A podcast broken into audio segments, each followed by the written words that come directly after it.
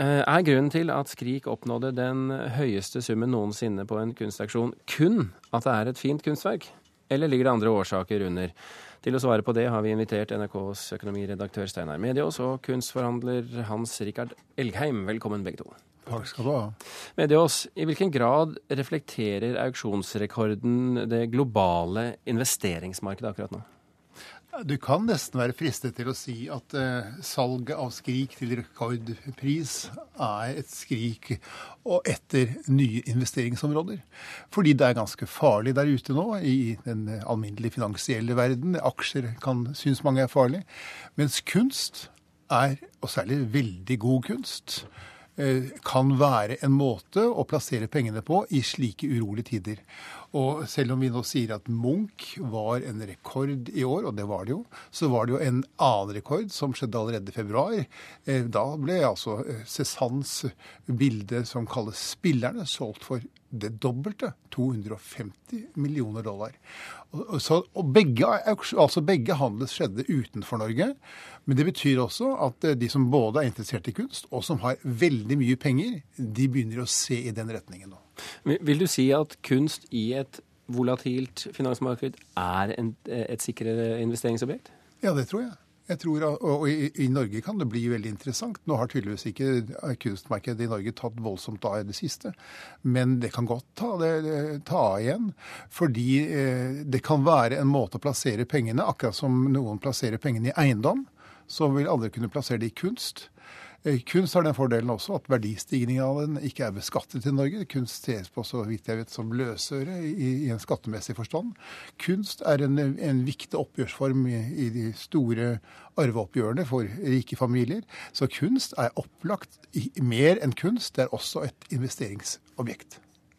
Elgheim, er det uroen i finansmarkedet vi ser nå reflektert i denne skrikrekorden? Er du enig i det? Nei, ja, jeg er enig i betraktningene eh, til Medios, men prisen på Skrik tror jeg nesten hadde kommet på uansett tidspunkt.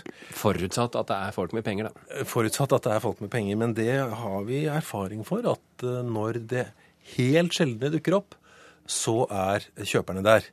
Eh, og betaler topp pris. Det har vi sett eksempler på før. Og det er jo eh, det er jo ikke liksom veldig opphetet kunstmarked nå generelt. Det har kommet seg etter finanskrisen. Det har bedret seg eh, atskillig. Men det er ikke på toppnivå enda.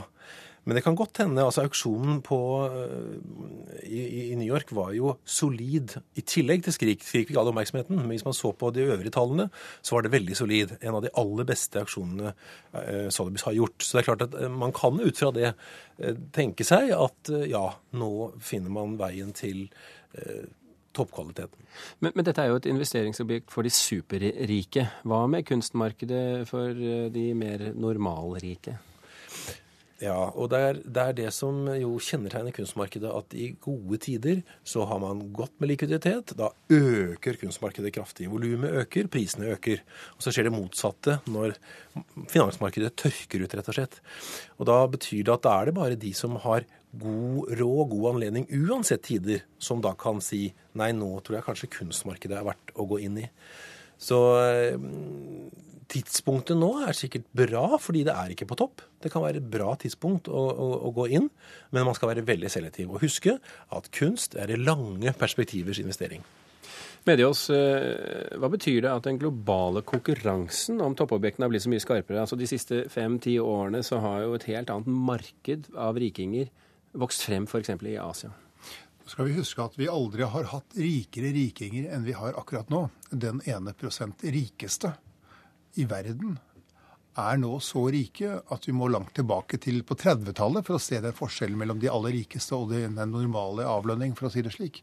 Så det er enormt mye penger der ute, og så er det enormt mye angst for at det skal gå galt. Eh, når emiren av Qatar kjøper et bilde til 250 millioner dollar, så, er det, så har han iallfall gleden av å ha det på veggen og kunne skryte av det, putte det i sitt eget museum. Eh, og andre rikinger i Norge, så vidt jeg nå skjønner, etter å ha tatt en liten telefonrunde i dag, de begynner også å interessere seg for veldig attraktiv kunst som de ønsker å henge på veggen. Det I tillegg til at det kan være en veldig god måte å sikre seg mot at inflasjon skal eh, komme over oss, eh, dårlige tider, at eh, euroen skal krakke, så har de altså, kan ha glede av kunsten. De kan ha den på veggen sin, den, den kan være med på å løfte dem i det kulturelle landskapet, så å si. Eh, men jeg tror altså som sagt at den er mer enn kunst. Kunst er også blitt investering for de aller rikeste.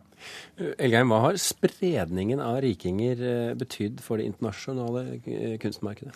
Ja, veldig mye. Altså, Den store årlige kunst- og aktivitetsmessen i Maastricht, som liksom er hovedmønstringen i så henseende, kunne jo i år fortelle at nå er Fjerne Østen det største kunstmarkedet i verden. Det, det er altså helt nytt. Vi har hørt om det i noen år, at det kommer stadig flere rike eh, kinesere.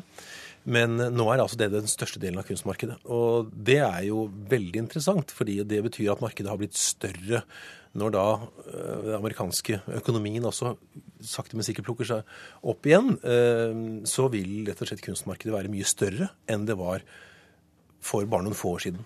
Men hva er det, hvis vi snakker eh, kategorier her, som går høyest på det internasjonale markedet nå? Samtidskunsten har jo hatt en enorm vekst de siste ti årene, vil jeg si. Og selv om alt har falt tilbake etter 2008, så er det samtidskunsten hatt en, en, en, imponerende evne til å komme tilbake igjen. Så det er nok en tendens nå at nye kjøpere ser etter moderne kunst. I større grad enn old master, som det heter. Og hva bør vi investere i, vi som får ufortjent mye penger igjen på skatten? Jeg tror man skal nøye seg med å gå og se på kunst og sette seg litt inn i det og se hva man liker. For kunst er en risikabel investering. Den er bare unntaksvis lønnsom, og det er kun i det unnskyld, lange perspektivet, som jeg sa. Men så begynn å, å gå på gallerier og, og les og lær, og så kan man kjøpe etter hvert. Medias, du som kan økonomi, er du fristet? Ja, absolutt. Altså, jeg tror at det, smitteeffekten av sånne prissjokk som vi nå har sett, den er opplagt til stede. Og kan man eh, kjøpe et og annet av Munch, om det så bare er trykk, så er jeg helt sikker på at det kommer til å være en god investering. Steinar Medie og Hans Rikard Elgeheim, tusen hjertelig takk for at dere kom til eh, Kulturnytt.